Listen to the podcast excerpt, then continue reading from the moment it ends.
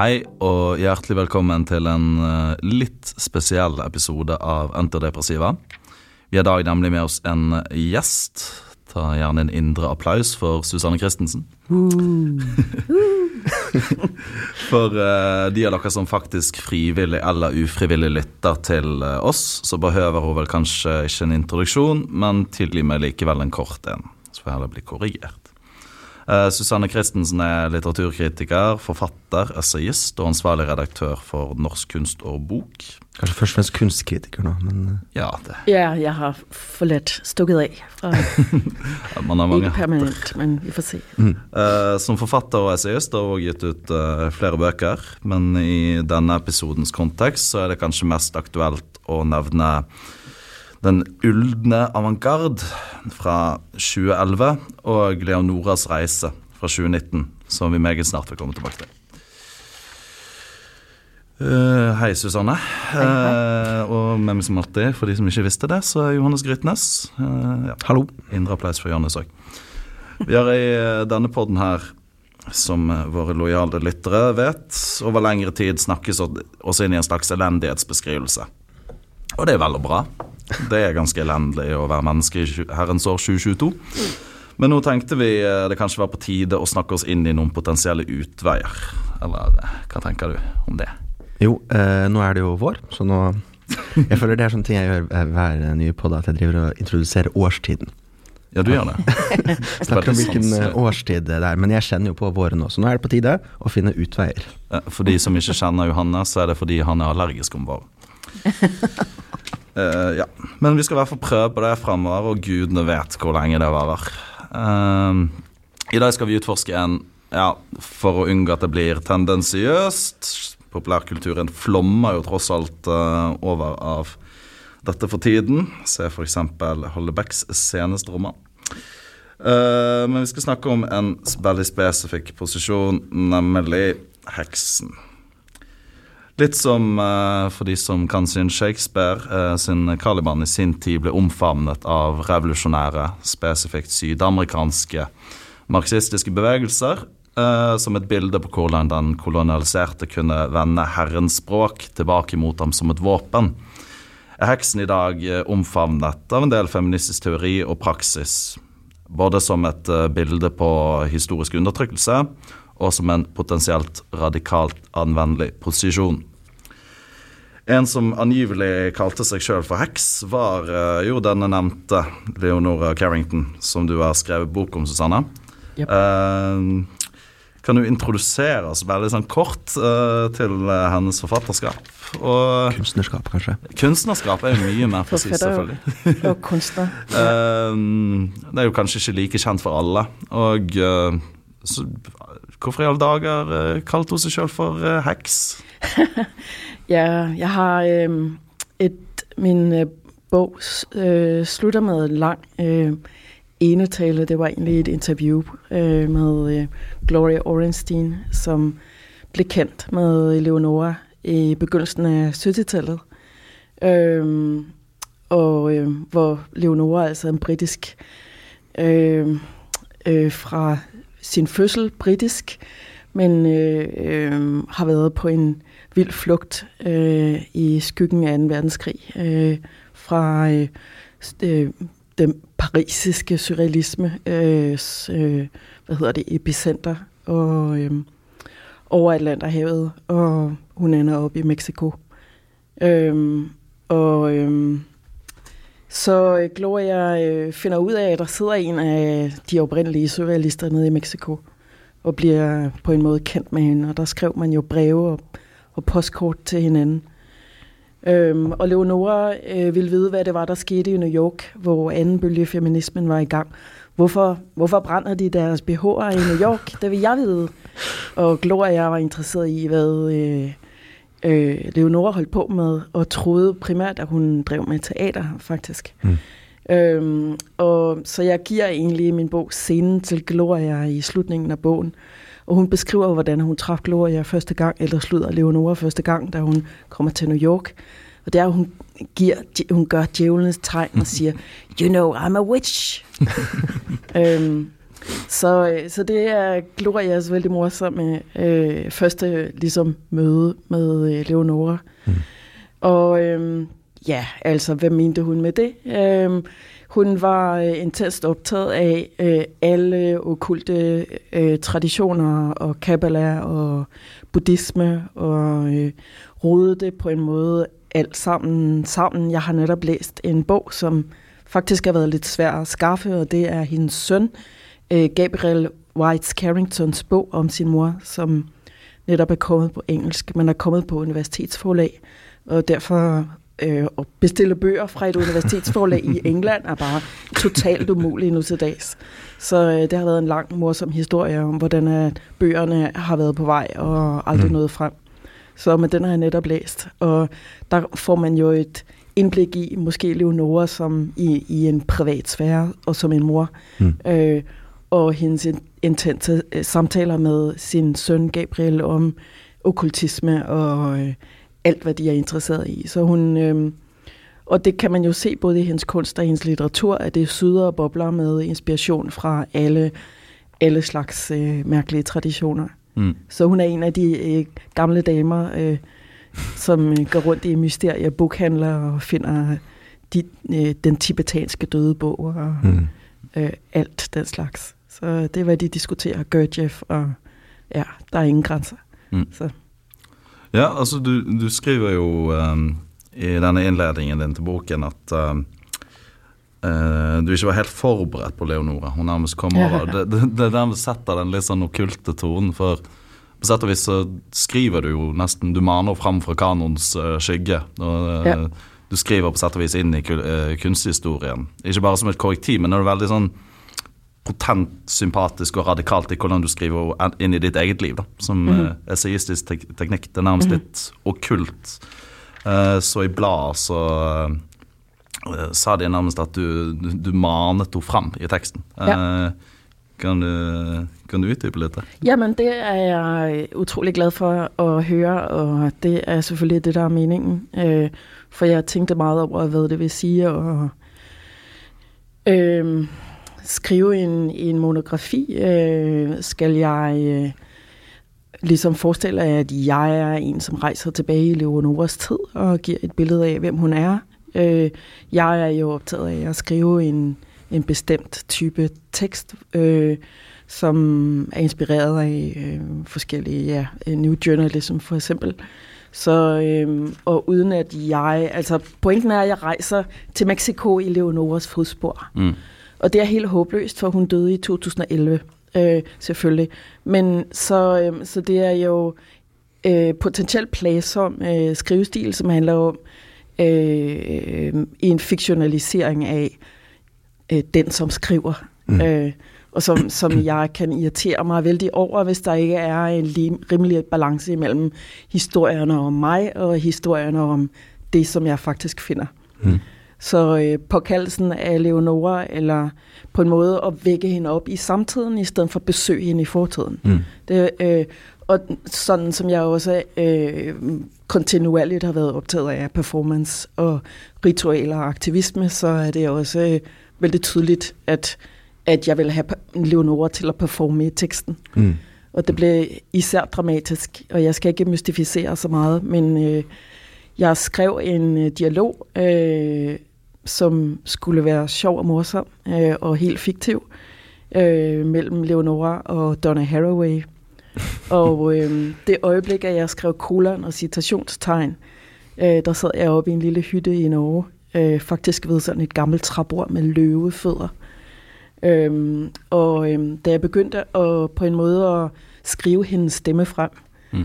der, øh, der kunne jeg mærke et stort pres på en måde. Hun fik lov til selv at snakke. Sådan Ouija-board. Liksom. Ja, virkelig. Det var en påkallelse.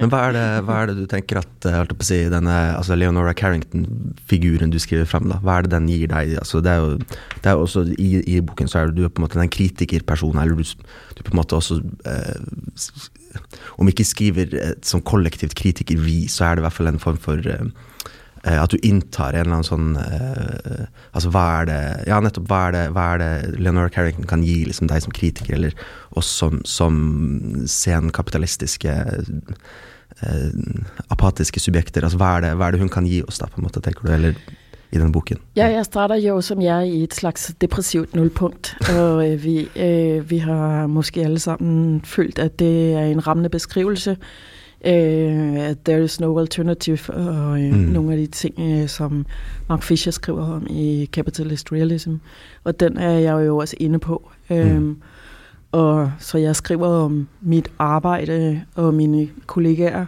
og, øhm, og sætter det lidt op imod, øh, hvad hedder det, samtidens depression versus det utrolige håb, øh, der var til vanvittigt som en portal ind til en ny verden. Mm. There is an alternative, og det var jo alt den her forestillingskraft, kvindelige mm. forestillingskraft, som tyder ud af øh, Leonors mm. kunst, både hendes tekster øh, og hendes billeder.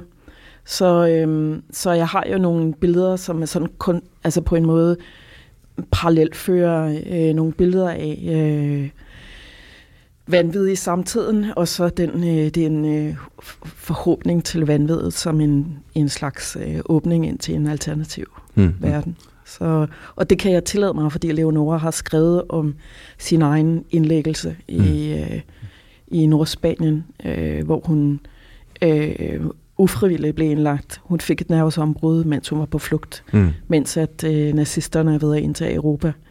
Så man kan godt forstå, at hun har en smule angst. Men hun, hun, hun på en måde reagerer i situationen med en slags ekstrem mani og øh, øh, øh, omnipotent på en måde psykose. Mm. Øh, og øh, det har hun skrevet en virkelig intens bog om, øh, som hedder Down Below. Mm.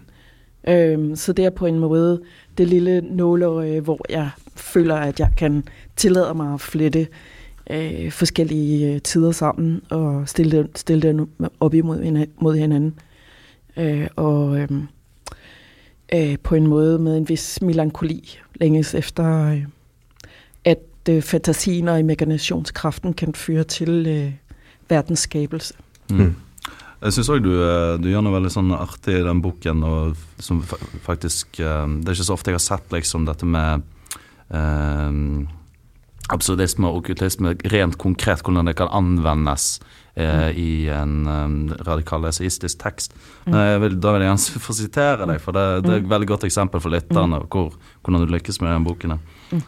Uh, å være relativt observant og innstilt på å bruke sine dager på å forsøke å formulere seg om kunst, kan knapt regnes som en ordentlig jobb. Det er definitivt å gå for langt å si at vi er rotter, men kanskje vi er en slags, uh, er en slags skogsduer med deformerte føtter.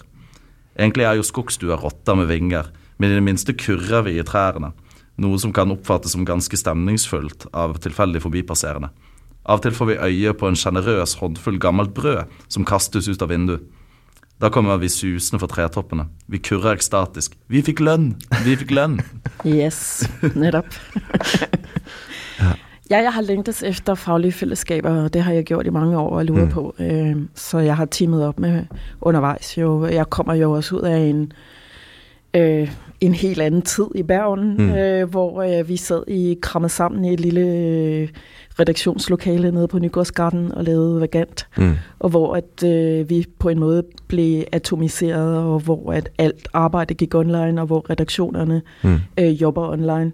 Så, øh, så længselen efter fællesskaber er vældig påtagelig, øh, og det var på en måde det, der gjorde, at jeg som dansk øh, fik et nyt liv i Bergen og blev mm. hængende her så lang tid, fordi at jeg kom med i de her redaktioner og de her fællesskaber, de var super intense. Mm. Når man hører Thomas Espedal, så har han jo stor nostal mange nostalgiske ja, ja. følelser knyttet til den tid.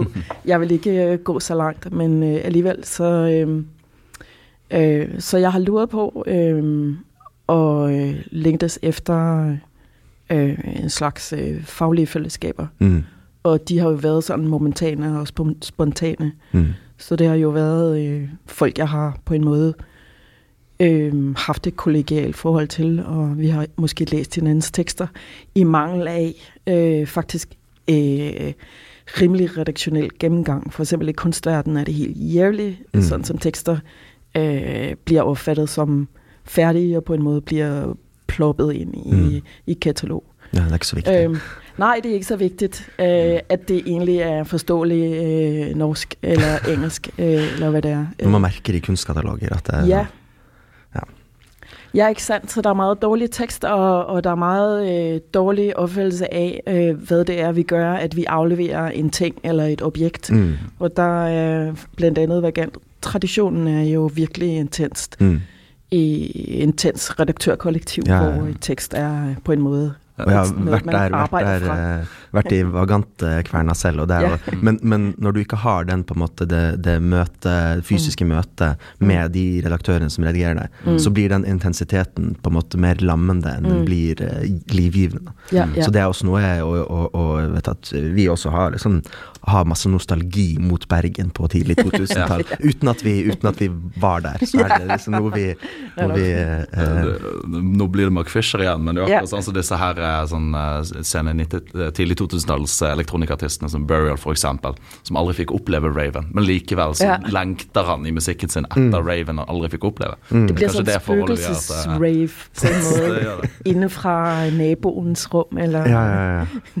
Men, men eh, uh, en ting jeg har vært veldig interessert i, altså for det her med, med uh, altså Surrealismen påkaller jo også en del sånn okkulte eh, krefter og det ubevisste osv. Men eh, og så lurte jeg på, fordi at i surrealismen så er jo på en måte det kvinnelige veldig til stede. Eh, eh, men da gjerne som Eh, et objekt for, for eh, eller sånn psykologisk manifestasjon av, av de mannlige kunstnernes eh, si, kastraksjonsangst eller, eller eh, og, ja, frykt for sin mor osv. Eh, og, og, og selvfølgelig begjær. Eh, eh, men så lurte jeg på liksom den, den på måte kvinnelige surrealismen, i hvilken grad den manøvrerer i, eh, i det landskapet der. Da. Om den, om den, altså hvordan de, eh, altså, gjør, hvordan de på en måte bemektiger seg det kvinnelige, da, eh, Ja. i en litt annen forstand enn de mannlige surrealistene. Altså, de er super forskellige, øh, selvfølgelig, øh, selvom at man snakker om de kvindelige surrealister, som om det var et cool øh, rockband. øh, men, øh, Kan det ikke få lov til å være? Nej, altså Merit Oppenheim øh, for eksempel er måske mere konceptkunstner, mens at øh, øh, Leonora er noget helt andet. Hun mm. var næsten surrealist, før hun traf surrealisterne, Mm. fordi hun trækker vældig på øh, mytiske øh, traditioner. Øh, ting, en, en mytisk verden versus... Øh, ja, en, det var en, en galisk forestillingsverden. Hendes mor og hendes bedstemor og hendes nanny var... Hun kom fra overklassen, så hun Mm. havde nanny. Øh, så, øhm, og de havde, kom fra Irland og havde irske rødder, så hun er vokset op med en form for øh, historier, som gjorde, at hun crashede vældig hårdt med Mm. virkeligheden i den katolske pigeskole blandt andet. Så der har det jo egentlig, hun bliver grundlæggende institutionskritisk Mm. og indlæringskritisk, øh, og holder egentlig ved det, øh, og det udvikler sig på mange interessante måder. Øh, men øh, så hun er ikke freudianer, øh, og øh, hun er jungianer, måske Mm. hvis hun er noget. Hun er optaget af Jung. Så hele ligesom, øh, altså den, den traditionelle kobling, som vi også ser nu på Munch-museet, hvor det er ligesom et fantastisk øh, øh, på en måde ægteskab imellem André Breton og øh, Sigmund Freud og psykoanalyse og, og drømmeteori osv. Mm. Mm.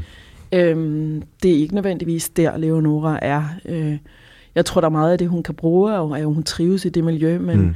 men øh, hun, hun bliver en anden slags kunstner, når hun kommer til Mexico og egentlig er i et kvindeligt fællesskab. Hun Mm. møder i hvert fald en kvindelig kunstner, som er helt på hendes niveau. Mm. Øh, Remedios Varo, øh, der er de jo, mange er i eksil fra Europa, er flygtet fra 2. verdenskrig.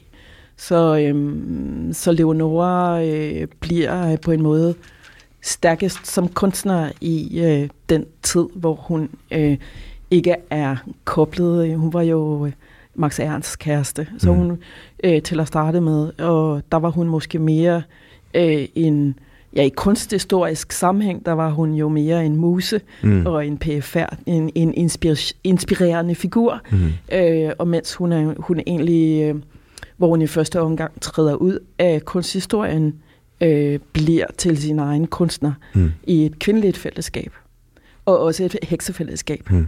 Men, men eh, så du tenker at det er, altså, Vil du sette et skille mellom den på en måte surrealistiske utforskningen av det ubevisste og den, den det Leonora Carrington gjør, som er mer en eh, at hun drar på mytisk stoff? At det er et skille der, eller tenker du at det mytiske hos Leonora Carrington også er ubevisst, eller hva? Ja, altså, øhm, det er jo øh, et godt spørgsmål. Øh, det er mere det der med den indre verden i modsætning til den ydre verden, og der ser jeg hende ikke helt, fordi du kan ikke rigtig se. Altså på en måde, så, øhm, så er det ikke sådan, at vi skal øh, lukke øjnene og mm. fordybe os i vores øh, indre Øh, i, altså alle de her dikotomier, som jeg synes er slidsomme med indre, ydre mm. og øh, uvirkeligt og virkeligt. Øh, jeg vil ikke øh, hylde hende for at være en introspektiv kunstner. Mm. Og derfor har jeg også placeret hende som økofeminist og som mm. aktivist, og som i en mere, for jeg er super lidt interesseret i at hylde det ubevidste. Og det er så... Øh, mm men jeg tenker jo det mytiske er jo i mye større grad enn, det, enn forestillingen om det ubevisste. En, en, ja. en form for uh, intersosial kategori, eller intersubjektiv kategori. Ja, det er en, en forestilling om, at vi er i en verden med andre regler, end uh, hvad hedder det, vi egentlig bliver fortalt. Mm. På den måde, at måske kan det levende og det døde eksistere i, i, på det samme niveau. Uh, måske uh, er måske, altså det var det antiantropocentriske verdensbillede på en måde, som når jeg ser på Max Ernsts øh, maleri her, altså min bog ligger her på bordet, billedet af Leonora, eller maleri øh, af Leonora, hvor hun er filtreret ind i grønne grene, og hvor der er mærkelige øh, hybriddyr og mærkelige væsener. Så, øh, så jeg vil jo på en måde forsøge at fremstille hende som en, en heldinde for et form for anti-antropocentrisk billede af mennesket, som på en mm. måde bare indgår i en sammenhæng, snarere end at øh, styre showet, altså mm. sådan som vi jo bliver lært, mm. øh, lærer os fra, eller bliver øh, oplært til at forestille os. Øh. Uansett hvor dypt man går i det indre, mm. det surrealistiske aspektet, så er det jo mm. på mange måter et slags fellesskap i det ubevisste. Sant? Det ubevisste mm. fellesskap. Altså, vi, mm. vi, opererer jo alle innenfor disse her satte menneskelige grensene. Sant? Mm. Og det er, det er, kanskje det som er det jungianske også, det her med, med at, at, det ubevisste er befolket av mytiske størrelser som mm. vi har felles. Da, på en måte. Ja, sant. Det er den forestillingen der. Men, men uh, det er også det her med magi, altså jeg tenker jo Når du snakker nå, så tenker jeg på det her med magisk tenkning. Som, mm. som på en måte uh, Man kan altså eh, hvis, hvis, på en måte eh, grunnsetning kan jo være den her as above so Nei, as mm. above so below. Altså mm. at det er, en, er, et forhold mellom et mikrokosmos og et mm. makrokosmos. Mm. Enten det er stjerner eller, eller eh, Og forholdet mellom stjerner og mennesker, og forholdet mm. mellom, mellom, eh, disse urtene jeg lager til her, og, og eh, for, for, politisk Altså du kan, du kan, påvirke verden gjennom å gjøre små handlinger. Eh, mm. og den, den at det også nettopp er et forsøk på å revitalisere eh, den på en måte den depressive, apatiske, politiske mm. eh, situasjonen man, man, kanskje føler at man er i. Da. Altså den mm. forestiller om at man kan faktisk gjøre noe. Mm -hmm. eh, ja.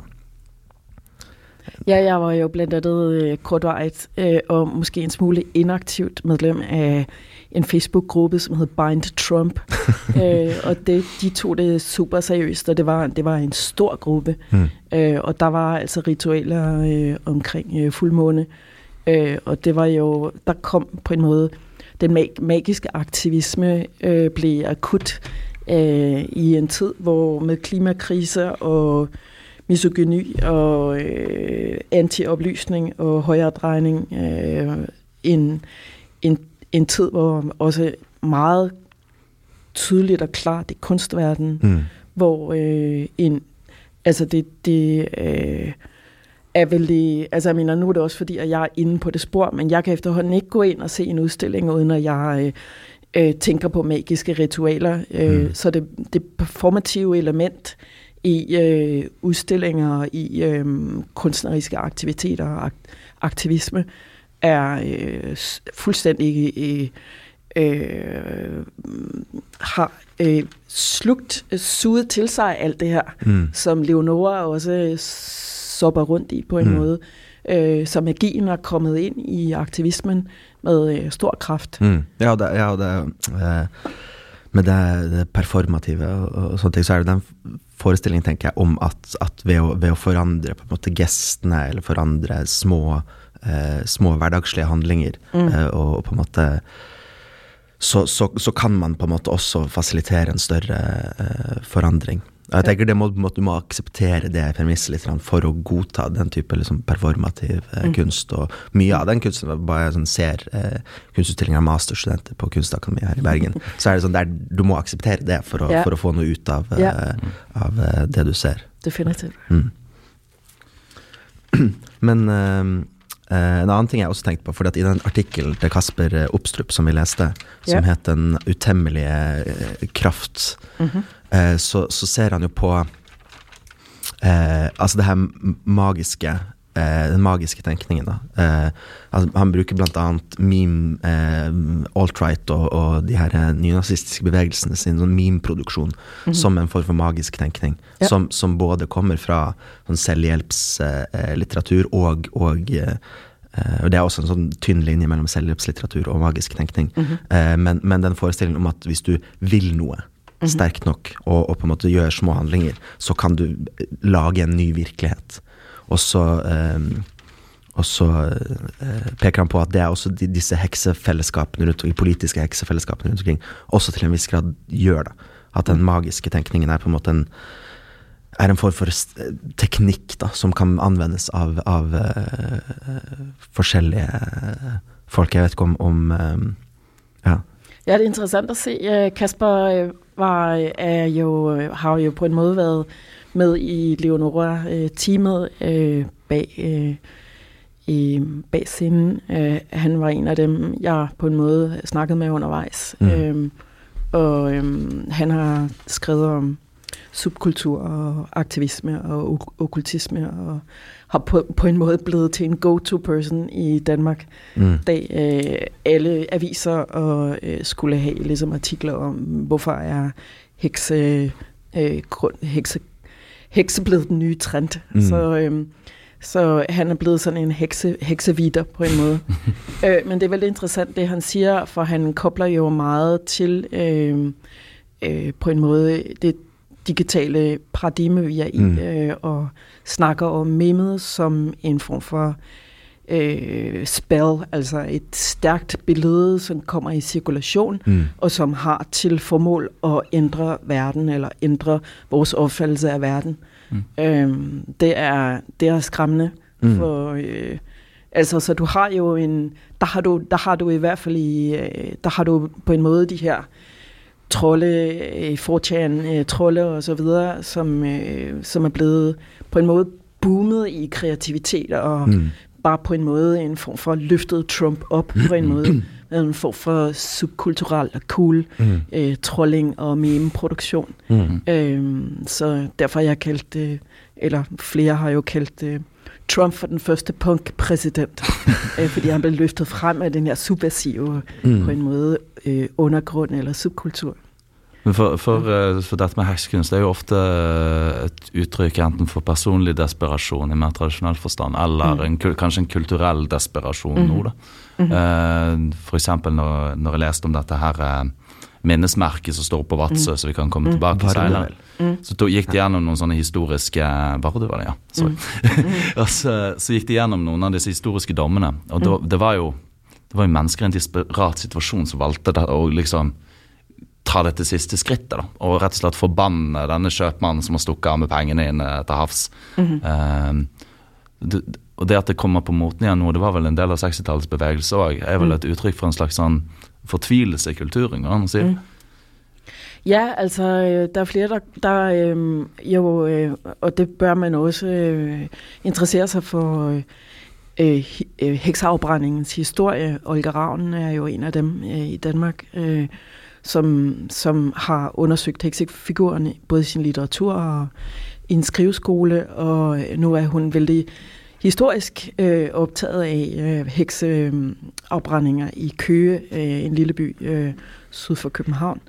Øh, så det historiske perspektiv er vældig vigtigt, fordi der går man egentlig til grunden af en form for kulturel misogyni. Mm. Øh, og, øhm, og sådan en som Silvio Federici øh, er jo inde på, at heksefiguren øh, har øh, er en overgangsfigur imellem et feudalt system og kapitalisme. Så, øh, så, så der er meget af den slags på en måde forskning, som er veldig interessant og mm. vigtig, øh, fordi at vi, vi får et historisk perspektiv på, øh, hvorfor, er, hvorfor er kulturen så misogyn, som mm. den er. Mm. Um, ja. Og undertoner som jeg sjøl vil jo hevde at grunnen til at heksekunsten er tilbake i mm. vår kultur, er jo mm. fordi vi er på vei fra kapitalisme til føydalsamfunn igjen. Sånn. Ja. Going backwards. jo, jo, men det, det, er jo, det skjer jo en eh, enorm sånn teknologisk utvikling for tiden. Og når det skjer teknologiske utviklinger, så forandrer selvfølgelig også det økonomiske systemet seg. Mm. Men, men, jeg tenkte bare for å ta det, for å ta det Silvia Federici sitt argument, da, mm. eh, så, så er um, det hun på en måte påstår eh, gjennom, gjennom, å lese disse hekseprosessene eh, inn i en uh, marxistisk uh, kontekst, det er jo det at uh, heksebrenningen eller hekseforfølgelsene er en form for del av den primitive akkumulasjonen da, som er, som er som er det at sånn Altså, man har jo I føydalsamfunnet så har jo folk tilknytning til den jorden de jobber på. Altså, mm. De må betale selvfølgelig til, til til uh, føydalherren, og de må betale til kirken osv. Men de eier til en viss grad, eller leier, det, det landet de jobber på. Mm. Uh, uh, og da selvfølgelig har kapitalisten et problem, fordi han har for det første ikke arbeidere til mm. fabrikkene sine, og han har heller ikke noen han kan selge. For det er ingen som vil kjøpe varer når man har jord, på en måte. Mm så det man må gjøre, er da den primitive akkumulasjonen, som er en form for inngjerding av, av the commons, da, som man gjerne sier. Og og ved å på en måte inngjerde og ved å lage større, eh, mer eller mindre liksom moderne landbruk, da, eller kapitalistisk landbruk, så får man større enheter, og det blir flere som ikke har arbeid og ikke har tilknytning til jorden. Mm. Og da eh, Og da får man da selvfølgelig det man kaller frie arbeidere. Mm. Altså arbeidere som er fri til å selge arbeidskraften sin. Mm -hmm. eh, og man får også da folk som ikke har tilgang på subsistensmidler, altså de har ikke tilgang på mat og klær og sånne ting. Mm. Så da må de kjøpe. Så da har du laget et marked. Eh, -hmm. så, eh, og, den, og, denne primitive akkumulasjonen gjør selvfølgelig også sånn at, at eh, de sosiale båndene som eksisterer i, eller de reproduktive båndene som eksisterer i samfunnet, brytes jo også sammen. Og det var på en måte Eh, og der, eh, ifølge Fredrikstad, så har kvinnen eh, et, et, et, sånn eller kvinner har et, en, en, veldig sentral posisjon i den eh, reproduktive og sosiale eh, opprettholdelsen av, av eh, samfunnet. Da, og, og, og, når hun leser de sexprosessene, så er det først og fremst det som står fram, er at det er fattige kvinner mm. som, som blir tatt. Og hun kobler også til det at, at når man har da, får et klassesystem og, og, så får man også fattige kvinner som kan klatre i dette systemet ved hjelp av si, Eros. Mm -hmm. altså eh, Rett og slett fordi at de kan, de kan uten, uten uh, å tilhøre klassen sin, så kan jo de selvfølgelig uh, få barn med, med, rike menn.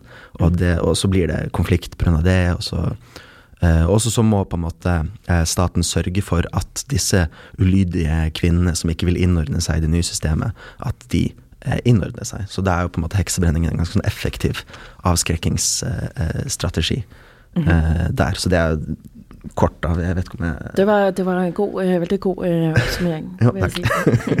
du er flink, Johan. ja, takk.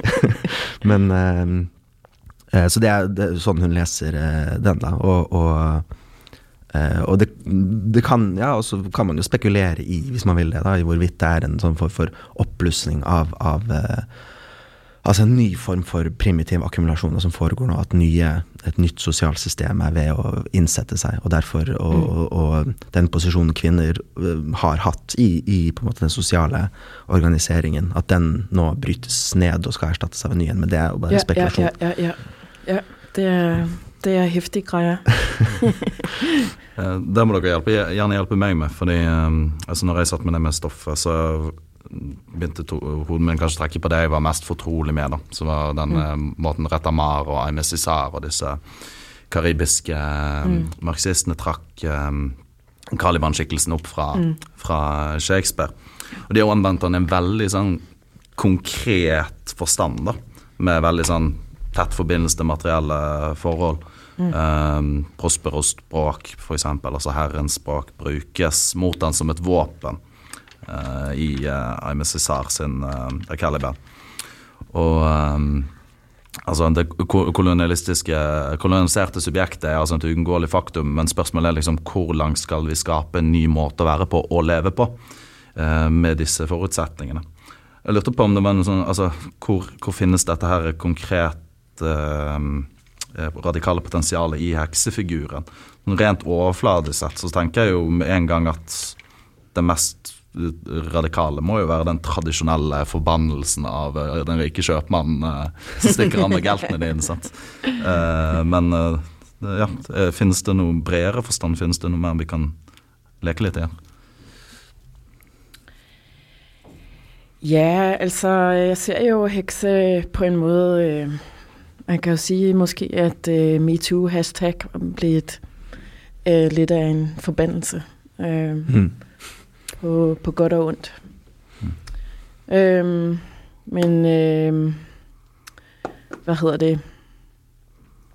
Ja, jeg, øh, jeg synes måske, at det som bevægelse har er blevet lidt øh, problematisk, fordi at det øh, eller som, som aktivisme øh, har der været en del øh, ret elendig aktivisme på den måde, at øh, men, øh, men vanlig, vanligvis har en form for øh, forestilling om, eller analyse af en, en ny verden, en god verden, øh, og, øh, og så er, skulle den analyse, eller den aktivisme, på en måde udfolde sig i forhold til en vision om en, en ny fælles verden. Mm. Mens at jeg synes, at aktivismen på en måde øh, online har taget et lidt øh, nihilistisk på en måde øh, en nihilistisk retning, på den måde, at det har været en måde at varme sig selv på. Mm. Så det, øh, det er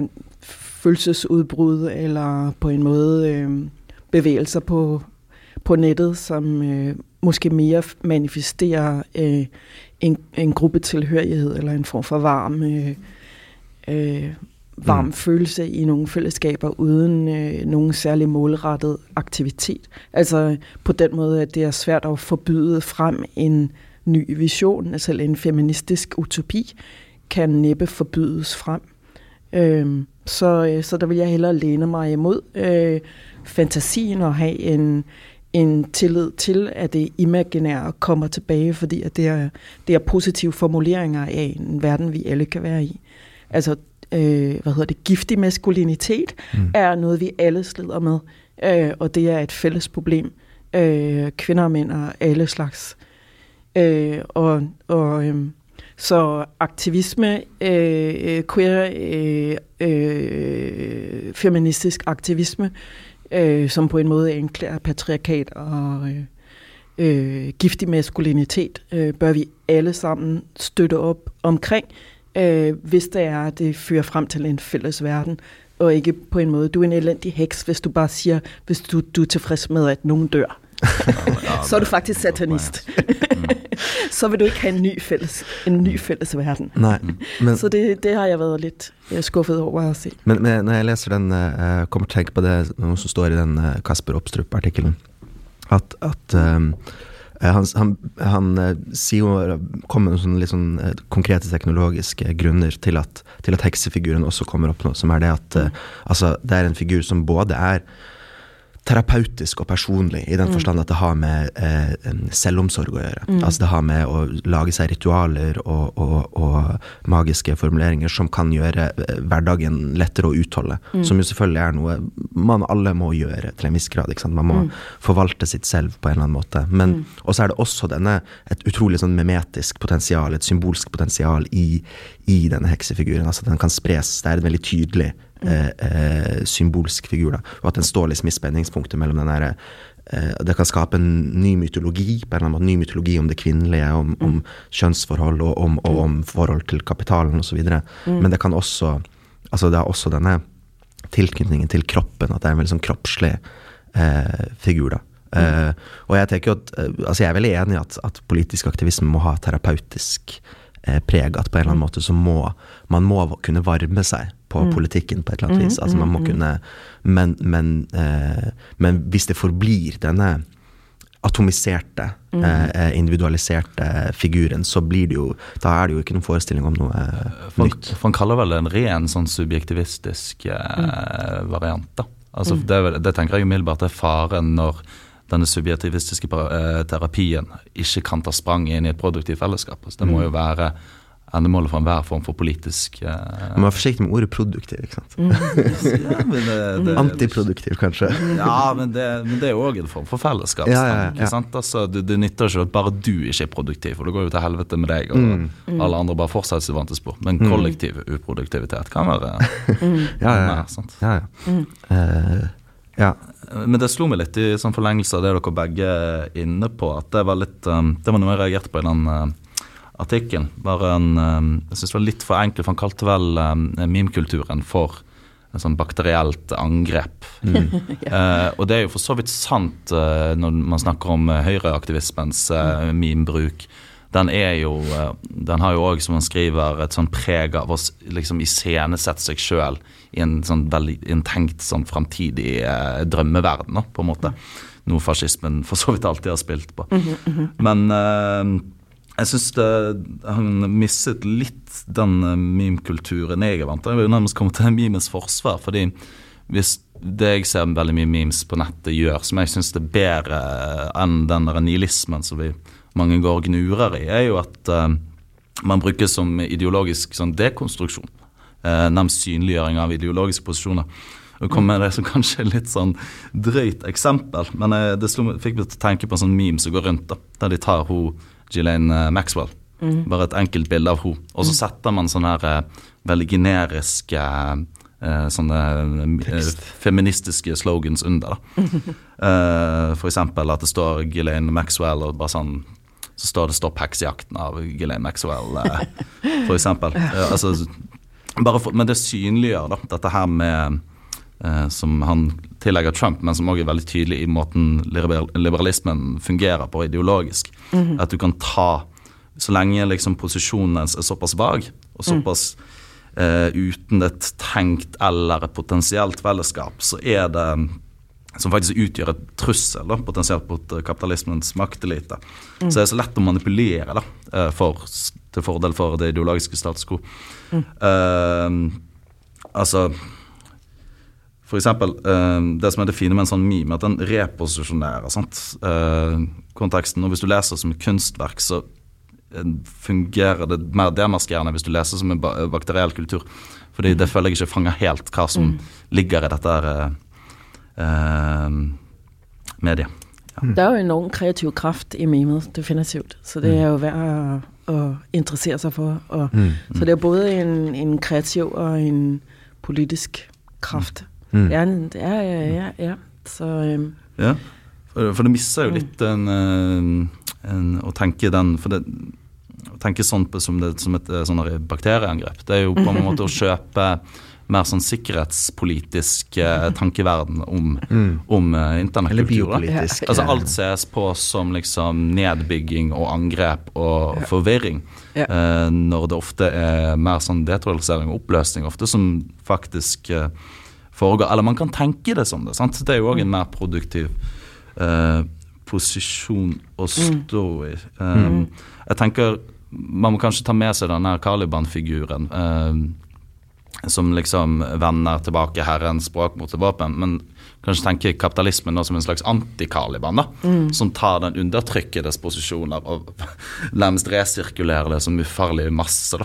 Den, den assimilerer alt og eh, gjør det til en del av seg, på en måte. Eh, den, den kannibal som ikke spyr. Ja. ja. Det Ja. Eh, men, men jeg har litt lyst til å gå tilbake til ehm, til Altså, for det, det er vanskelig å spekulere, men kan, hvis vi kan spekulere litt, kan vi det? alltid lov å spekulere.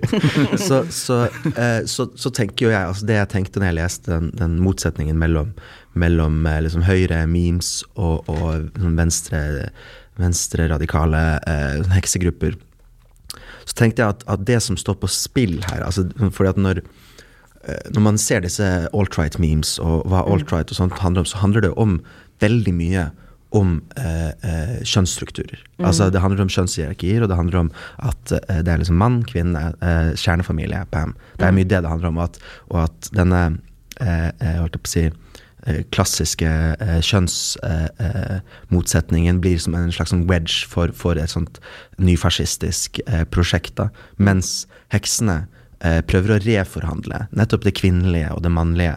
Eh, Eh, men ikke, ikke, i en sånn, ikke i en sånn, eh, sånn eh, total relativisering av, av, eh, av, alt, men i en form for ja, revitalisering av noe eh, noe undertrykt i både mann og kvinne. Da. Mm -hmm. og, at, og, at, det bruker, altså der brukes den revitaliseringen av, av en, en, en, annen form for kjønnsstruktur som en wedge for et kanskje mer frihetlig og, og, og egalitært eh, politisk prosjekt. Men det er en veldig kompleks posisjon å stå i hvis det skal være en, ha et radikalt potensial, tenker jeg.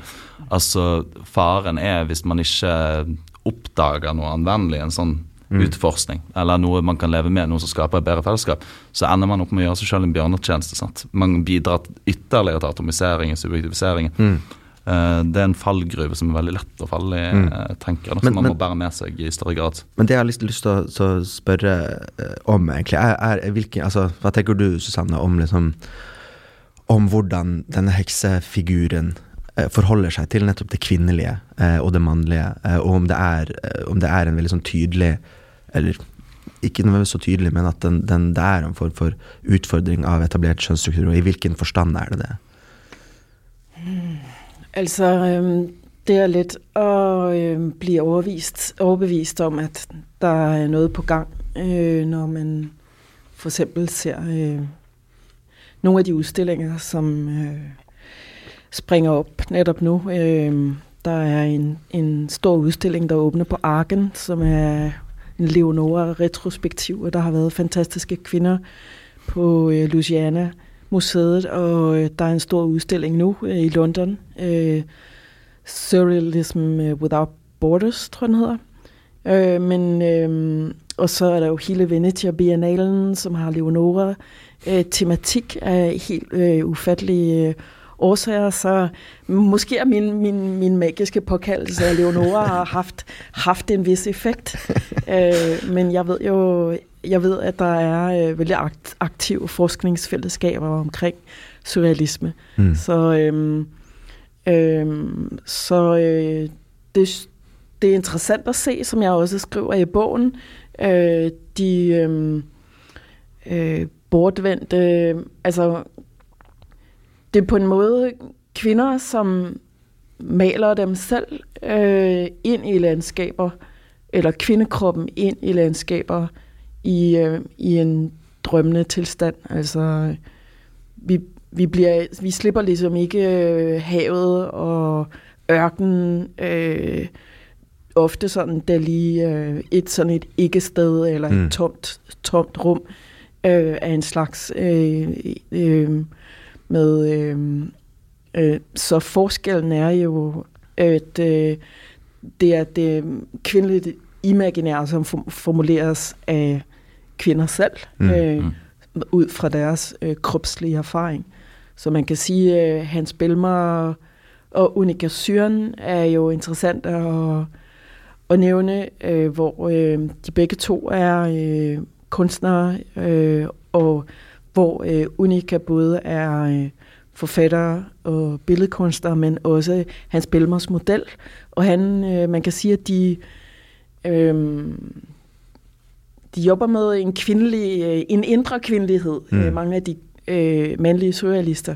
Du har øh, Marcel Duchamp, som klæder sig ud øh, i drag, og så, øh, så, så egentlig så, øh, og du har Breton, som spejler sig i Nadja, og så videre. Du har øh, Hans Belmer, som bruger øh, øh, øh, Unica. Øh, de var partnere øh, og øh, begge to kunstnere, men hun indgik også som model i meget øh, sådan nærmest sadomasochistiske øh, øh, billeder, hvor hun er, hendes krop er spundet ind i snor og bliver på en måde et abstrakt øh, landskab. Øh, så kvinderne skal hele tiden, eller de kvindelige kunstnere skal hele tiden forhandle øh, det faktum, at de bliver projiceret på mm. af de mandlige kunstnere. Så de mandlige kunstnere undersøger sig selv via øh, kvinder. Vi ved ikke... Øh, vi ved ikke, hvad, hvem var Nadja egentlig? Altså, for hun var jo en form for øh, katalysator for ting i øh, Bretons, øh, som han undersøgte. Mm. Øh, men øh, var hun, øh, følte hun, at hendes vanvid var forløsende? Øh, hun var en gadepige, eller hvad er hendes historie? Altså, den slags... Øh, øh, på en måde, øh, hvordan havde Nadja det egentlig? Den, den øh, tror jeg, jeg håber, at den, øh, den øh, bog findes derude et sted, eller den master eller mm. Ph.D. findes et sted. Mm. For, øh, og Leonora øh, er vældig speciel også der, fordi øh, på mange måder så er hun øh, i tæt samarbejde med Breton. Det er Breton, der siger, hun skal skrive, hun må skrive om sin egne oplevelser af sin indlæggelse. Øh, så han er faktisk en støttende figur i forhold til, at den bog bliver til. Men hun, øh, og der er hun jo blandt andet øh, beskriver, øh, hvordan hun ligger fastspændt og øh, modtager den tids øh, chokbehandling cardiosol, som fremkalder epileptisk anfald. Det var så meningen, at man skulle komme ud af sin psykose mm. øh, ved at på en måde få øh, øh, medicinalt induceret chok. Øh, og der beskriver hun jo, at hun, at hun får kramper over hele kroppen, og hun bliver jagtet af lægerne, mens hun ligger fastspændt. Og alt det her er bare så forfærdeligt. Mm. Øh, men øh, hun, hun, hun joker næsten med øh, Bretons udtryk convulsive beauty, altså krampagtig skønhed. Mm. Så hun skriver på en måde tilbage fra en, en kropslig erfaring af at være på, på en institution. Mm. Så der er et virkelig element af næsten dirty realism inde i øh, det faktum, at hun også ser sine psykoser som magiske øh, på en måde syner og en form for forandring, hun gennemgår. Så det er en tekst, som på en måde indeholder både en, en virkelig dramatisk og forfærdelig første persons øh, beretning af en psykiatrisk indlæggelse, øh, samtidig med, at øh, hun til en vis grad også øh, øh, er optaget af, øh, hvad psykoserne fortæller hende, mm. og hvor det fører hende hen. Ja. Ja. Så, det er, så det er en magisk forvandling, hun går igennem, mm. men også en, en form for forfærdelig øh, øh, realitet. Mm. Sender nesten tanken hennes til Bandy Gris. Uh, mm. den, han har jo det der berømte portrettet når han ligger, som kjenner til han. Mm. Eller jo, det gjør selvfølgelig. Ja. uh, han, der han ligger uh, med alle disse her, veldig sånn deformerte doktoren står overfor han og piller og mishandler han ja. i, uh, mens han ligger der og blir ja, lobotomert. Blir sånn. mm. ja. Men, men, det er jo, ja, for det er jo den her forhandlingen som jeg også tror på mange måter at tekstfiguren altså Det skriver jo Kasper Opsov det her med at tekstfiguren er en måte å prøve å rewilde Eh, eh, holdt på å si det kvinnelige, rewilde, denne kreative, imaginære kraften, på en måte. Altså, mm. Slippe den ut av nettopp det fengslende blikket mm. som jo eh, eh, spesielt kvinnekroppen hele tiden har mm. vært underlagt. Mm. Eh, og et forsøk på å, ja, nettopp, å slippe det ut, på en eller annen måte. Slippe eh, rewilde det. Og så tenkte jeg på, fordi at nå har jeg nettopp lest den her eh, tilintetgjør, eller anantir, av, av, av Hollebeck. Ja. eh, utrolig Det er heldigvis den siste boken til Holbeck. Det, jeg, tror, jeg, jeg, tror, han er godt over middagshøyden nå. Men uh, han, er blitt, han, er blitt uh, Han har mistet sin edge, det, det jeg kan si. Men, men uh, ja. For, ja, fordi at I tidligbøkene så var misogynien hans og, og reaksjonær altså det, var, det, hadde i hvert fall en sånn edge, så du var ikke helt sikker på hva det var. Men nå er det bare sånn straight out, eh, konservativt bullshit. Men, men eh, men der er jo, der er jo også eh, konen til han Paul Raison, som er mm. hovedpersonen. Eh, så, og de har ikke hatt sex på ti år. ikke sant? Mm. Klassisk Hollebeck-situasjon. Eh, og så eh, eh, blir eh, faren hans syk, og så begynner hun å, å, å oppsøke sånn Wicca-religion og begynner å delta på en rekke ritualer. Og mm. denne her Wicca-religionen gjør jo at hun gjenoppdager sin seksualitet. Mm -hmm. men det som altså, fordi at altså i, hos Holebekk så blir denne seksualiteten, den der nyvunne seksualiteten, blir jo ikke en måte for henne å frigjøre seg fra mm. eh, eh holdt jeg på å si, ekteskap, familie, eh, mm. stat, religion osv. Mm. Det blir en måte å komme inn igjen i den ekteskapelige holdt jeg på å si, uh, ursituasjonen, nemlig det å ha sex med sin, sin uh, mann. Det er liksom det målet for, for denne eh, eh, nyvunne seksualiteten som hun Han, han har vel alltid påpekt i romanene sine at uh, han anser seg hykleri i 68-bevegelsen. Uh, ja. Med den frigjørende seksualiteten og sånt. Ja, ja, uh, så vidt jeg husker i De oppløselige bestanddeler, De grunnleggende bestander. grunnleggende bestander, så, eh, så eh, drar jo han her eh, ene karakteren på en sånn der, eh, nærmest sånn sexcamp. Mm. Og eh, f- han gjør det jo ikke av, eh, av frigjøringsårsaker. Det er ingen der som har, de har bare holdt på med dette i mange mange år. Det er jo resten av hippiesamfunnet.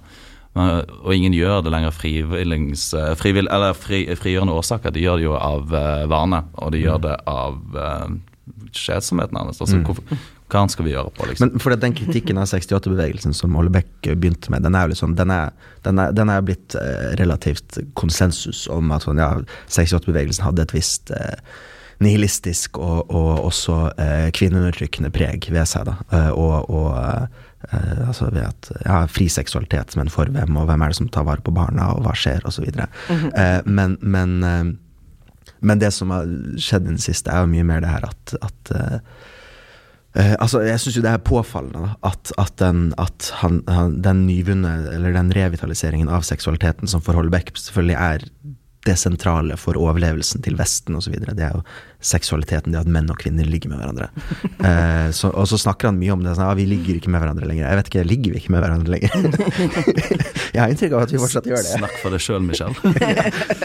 ja, altså, ja, det er greit at du begynner å Men, men, ehm, men det at den liksom, revitaliseringen av seksualiteten gjennom denne heksereligionen, eller heksefiguren, da, som man påkaller det Så det blir bare en måte å underbygge stat, religion og familie på, liksom.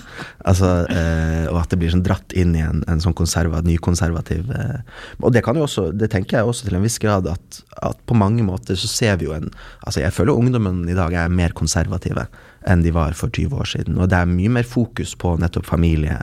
Eh, og, og, og selvfølgelig at denne nyreligiøsiteten som man ser rundt omkring, også kan være en Altså, hvis den kommer fra en form for radikalt sted, så har den også kan den også peke mot en form for ny konservativisme. Ja, Eh, for, for eh, det, det slo meg noe sånn her eh, i den eh, artikkelen at eh, For nå trekkes jo den eh, fram den her eh, Witch-gruppen. Eh, og de står vel Det, det var slående sånn likhet til liksom den heldekkende burkaen.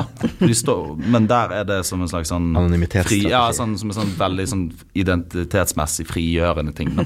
Å dekke seg til, men det er, jo, det, er jo, det er jo en viss bitter ironi i det at Ja. eh, det frigjørende blir å eh, fri seg helt fra det. eh, På en måte dekke seg til, på en måte, og bare Ja. være det indre uttrykket for ens identitet, på en måte. Det er jo klart, at heksen er blevet approprieret øh, i stor stil også. Øh, Du kan jo helt sikkert gå på et mindfulness-kursus mm, i øh, hekse øh, på en måde revitalisere dit øh, parforhold. øh. mm, Så, øh, så alt det her eksisterer jo på en måde parallelt i vores øh, Mm. kaotiske, mm, karnevaliserede, totalt karnevaliserede, karnevaliserede verden. mm. Øhm, øh, men øhm, men øh, kunne jeg øh, nævne noget? Øh, jeg, har, jeg har netop været i Nord-Norge, Mm. øhm, og øhm, det her synes jeg virkelig er noget, som alle skal vide om, øh, og som jeg må indrømme, at jeg ikke vidste om, men der ligger et fantastisk heksemonument i, i Vadsø. Ja, er det Vardø eller Vadsø? Øh, det er, ja, det er, det er øh, Vardø. Ja, I gotta check my Vi har notes. alle gått i den fellen eh, der. Gotta check my notes. Joakim var så vidt innom det i Vardø, sted. ja. Øhm, Stejlnæsset mindested, eller memorial. Øhm, og øhm, jeg var fortvivlende nær på det. Jeg var øh, netop i Kirkenes, og øhm, det, man svinger ligesom ikke lige forbi Nord-Norge. Øh, og øh, jeg talte med en øh, øh, kollega, og, som havde planer om at tage, øh, tage båden. Øh, for det er faktisk det, man skal gøre. Øh, tage et fly eventuelt, eller hvor- hvordan man nu kan komme sig til Kirkenes, og så tage en båd til Vardø, eller til deromkring øh, Vadsø og Vardø, hvor båden nu går. Mm. Øhm, og der ligger der faktisk et værk, som er nærmest Louis, Louis, øh, øh, Louis Bourgeois' sidste, øh, sidste værk, et af hendes sidste værker, øh, som er del af den her installation, hvor man altså, som jeg desværre ikke fik set selv, fordi at båden ikke gik på grund af storm. Så jeg ved ikke, hvornår jeg nogensinde kommer tilbage til Nord-Norge Mm. mm. og kommer i nærheden.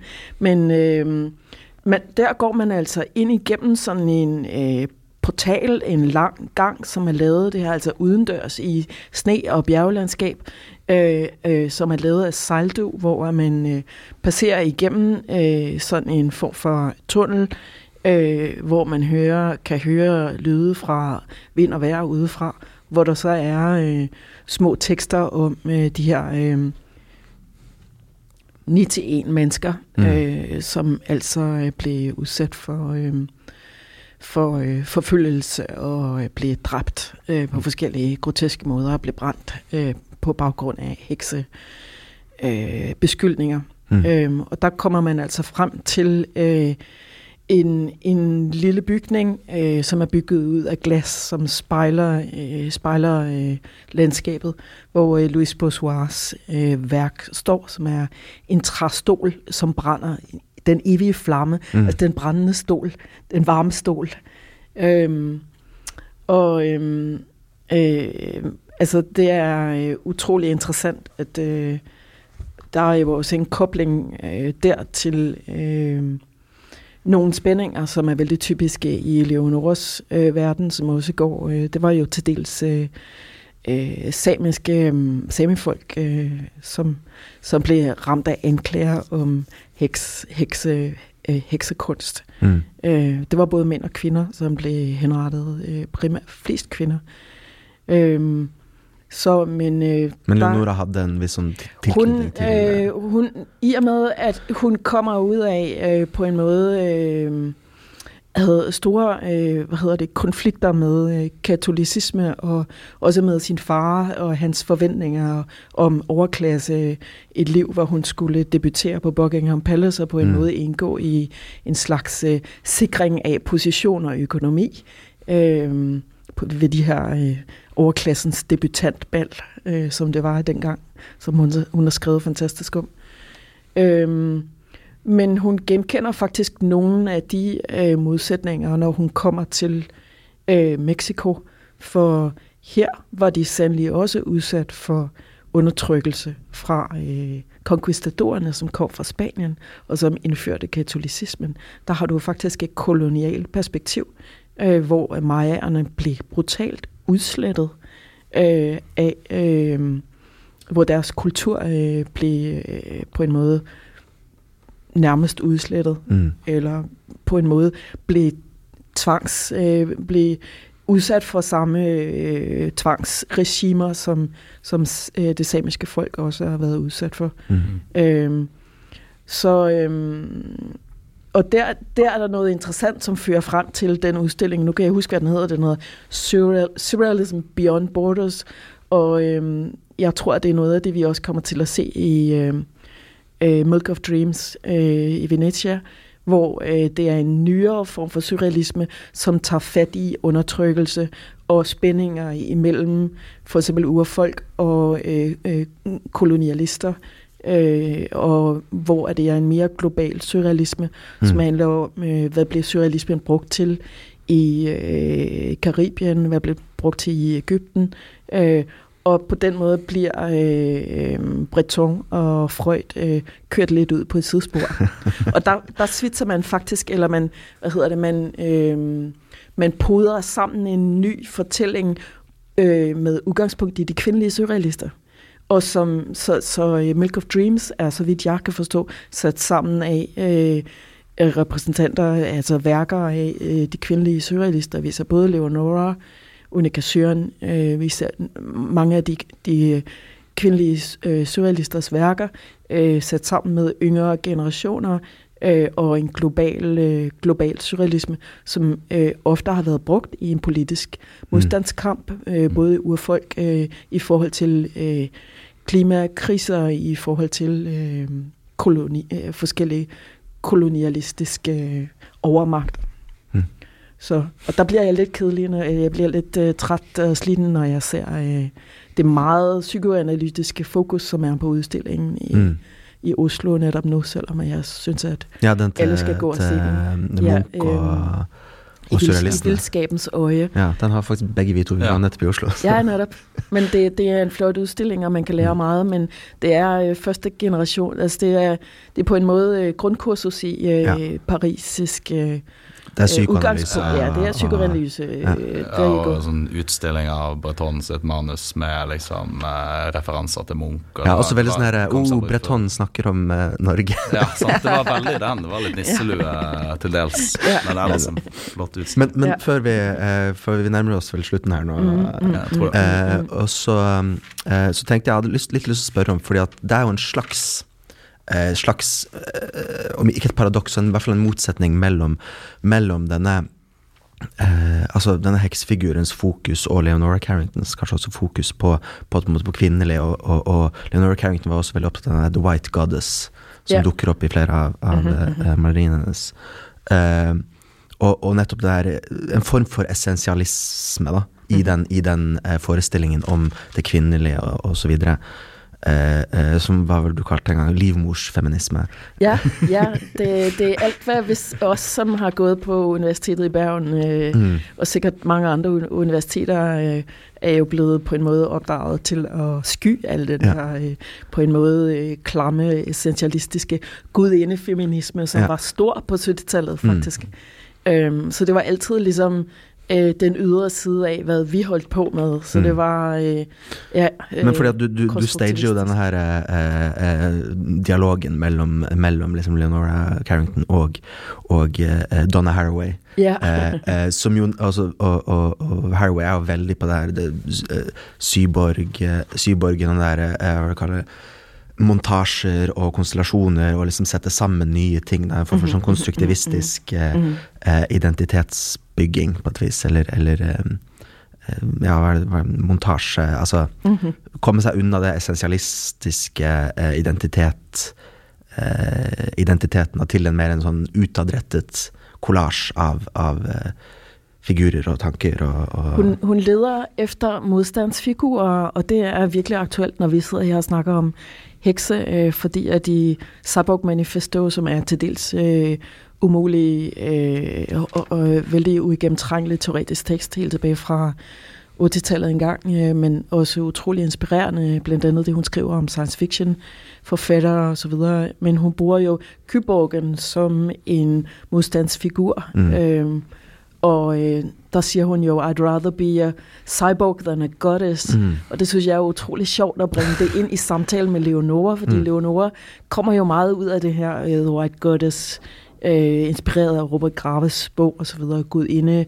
øh, feminisme, og som på en måde øh, fører lidt over i visse strømninger, øh, som Gloria Orenstein også var øh, forsket på, og var udtryk for øh, øh, 70-tallets økofeminisme, som var alt hvad vi alt hvad vi har lært at afsky på øh, Universitetet i Bergen, ligesom øh, den klamme øh, ligesom øh, spir, spir, spirituelle del af Mm. og okulte og spirituelle Men hvordan, hvordan kan man koble de to?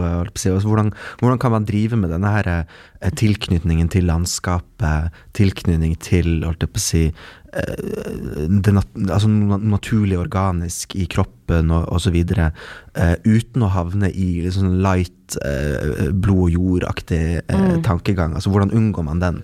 Eh, eller hva, hva, hva sier Leonora Carrington til denne Haraway? Ja, Hva det, undres Men det er- det er- dobbelthet i det, Mm. sant? Vi, vi er kommet udenom det fuldstændig. Hvis øh, I går på øh, kunstudstillinger i dag, så... Øh, altså, jeg ved ikke, jeg tror, i, i- jeg oplever, at det kommer via performance-teori og, Mm. mm. og ligesom en anden indgang. Øh, så... Øh, og alt, hvad de studerer nu på Universitetet i København, er okkultisme og hekse. Mm. Og, så det, det boomer helt sindssygt, Mm. mm. i, både i kunstverdenen og i øh, visse sådan akademiske mm. kredse, så, øhm, så man er kommet så lidt over den der, øhm, på en måde, øh, øh, veldig sådan, øh, at man hæpper på øh, de franske feminister og Mm. på konstruktivistisk øh, på en måde øh, en indgang, indgangsvinkel Mm. til køn. Så, øhm, så det er som om, at det har lov til at eksistere side om side. Øh, vi kan have to tanker i hovedet på samme tid.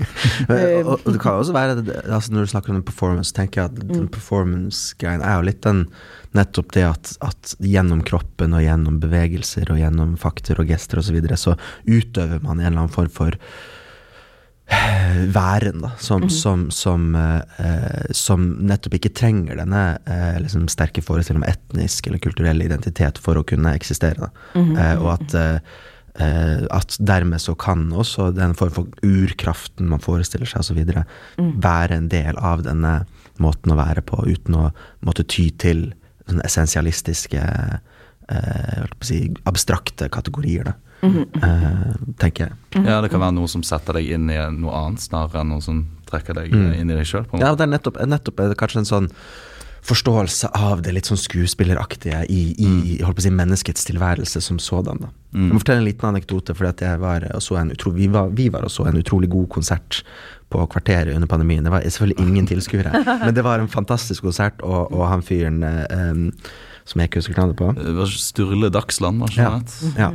Men, eh, eh, og det var noe sånn her sjamanistisk trommer, og det var sånn hard tekno, og det var utrolig kult. Eh, Noise. Noise, Ja. noise Sjamanistisk Sjukt. noise techno. Jeg vet ikke. Det var, det var, det Med var, Michael Jackson. What? Ja, ja. og, fy, og, fy, og fyren hoppa rundt på scenen som et ekorn, og det var helt sånn ja, foran ti publikummere. Det, det var vilt. Men, men eh, så snakker jeg med han etterpå, da, og så forteller han meg at han har At han har en eh, eh, altså Han opp, har oppdaget at han har en, en oldemor eller et eller annet sånt som var samisk. Og så mener han at det er den på en måte biologiske tilknytningen til det samiske som gjør at han kan lage den musikken her. Da. Og for meg blir jo det helt feil. på en måte At jeg heller eh, Altså at den, den type biologismer da, blir litt sånn eh, eh, Nettopp å, å gjøre det som nettopp er en sånn utøvende kraft, og at, eh, og at fortellingens kraft At kanskje det har kommet noen fortellinger ned gjennom og så videre. Jeg skal ikke spekulere i hans, eh, hans eh, Men traditionsbevidsthed er, Ja. er helt uh, weird for os, fordi vi er sådan inde i den her modkultur, hvor vores forældre er dumme, ligesom. Mens at når det har været en kultur, som har været så troet, så øh, altså, der er en utrolig styrke i mm. traditionen, mm. at man finder en styrke i traditionen. For os urbane kids er det bare virkelig underligt, fordi at vi har vores øh, forældre, vi er stukket af fra, og som vi hader, og vi vil være lige modsat. Ja, ja. Jo, men, men jeg tenker at det er forskjell på tradisjonsbevissthet og en sånn biologistisk tradisjonsbevissthet. Ja. At det er liksom At der er det også noe sånn ikke Noe som på en måte Nettopp hvis du tar den tanken sånn til sin ytterste konsekvens, er det sånn Ja, men de som ikke har samiske oldeforeldre, de kan da ikke lage denne musikken. Altså det blir en sånn og hva, Ja. og hva, Men, men hva er det i blodet til samene som gjør at de er sånn? Holdt på å si. Altså, da blir det Ja, plutselig ja, ja, det forstår jeg. Det, det er problematisk. Ja. Det er det. Men med fare for å bli helt sånn new age, så er det handler vel om å hente kraften sin fra et sted. Sant? Ja. Og kanalisere det inn i noe nytt. Altså Biologien er kanskje en av de sterkeste fortellingene vi har, eh, tross alt. Eh, altså, det er Man, jo- man påkalder sine forfædre. Ja. Altså, ja. Og, det, og det, det mener jeg, det er jo på en måte Kanskje man i større grad skulle hatt det, nettopp som du sa helt i begynnelsen her, med at de, de døde og de levende kan eksistere side om side. eh, eh, men da må man også være så forsiktig med biologisme, da, kanskje. Men, Ja, men, ja, eh, ja. men eh, ja, jeg syns det er et veldig spennende felt. Det er dobbeltheter her som i det meste annet. Eh, da vil jeg bare si tusen takk til deg, Susanne Christensen, for at du ville være vår gjest. Ja, det var veldig hyggelig. eh, for et strålende bra i dag. Mm. Du hever podden. Tak, tak for, at jeg ble Vi, vi hever oss når vi er andre til stede. Levitere. ja. Mm. ja. Tusind tak. Takk for nå. ja, ha det bra. At fuckings take, hæ? Det er punk. Jeg håber, det fungerer. Ja, det er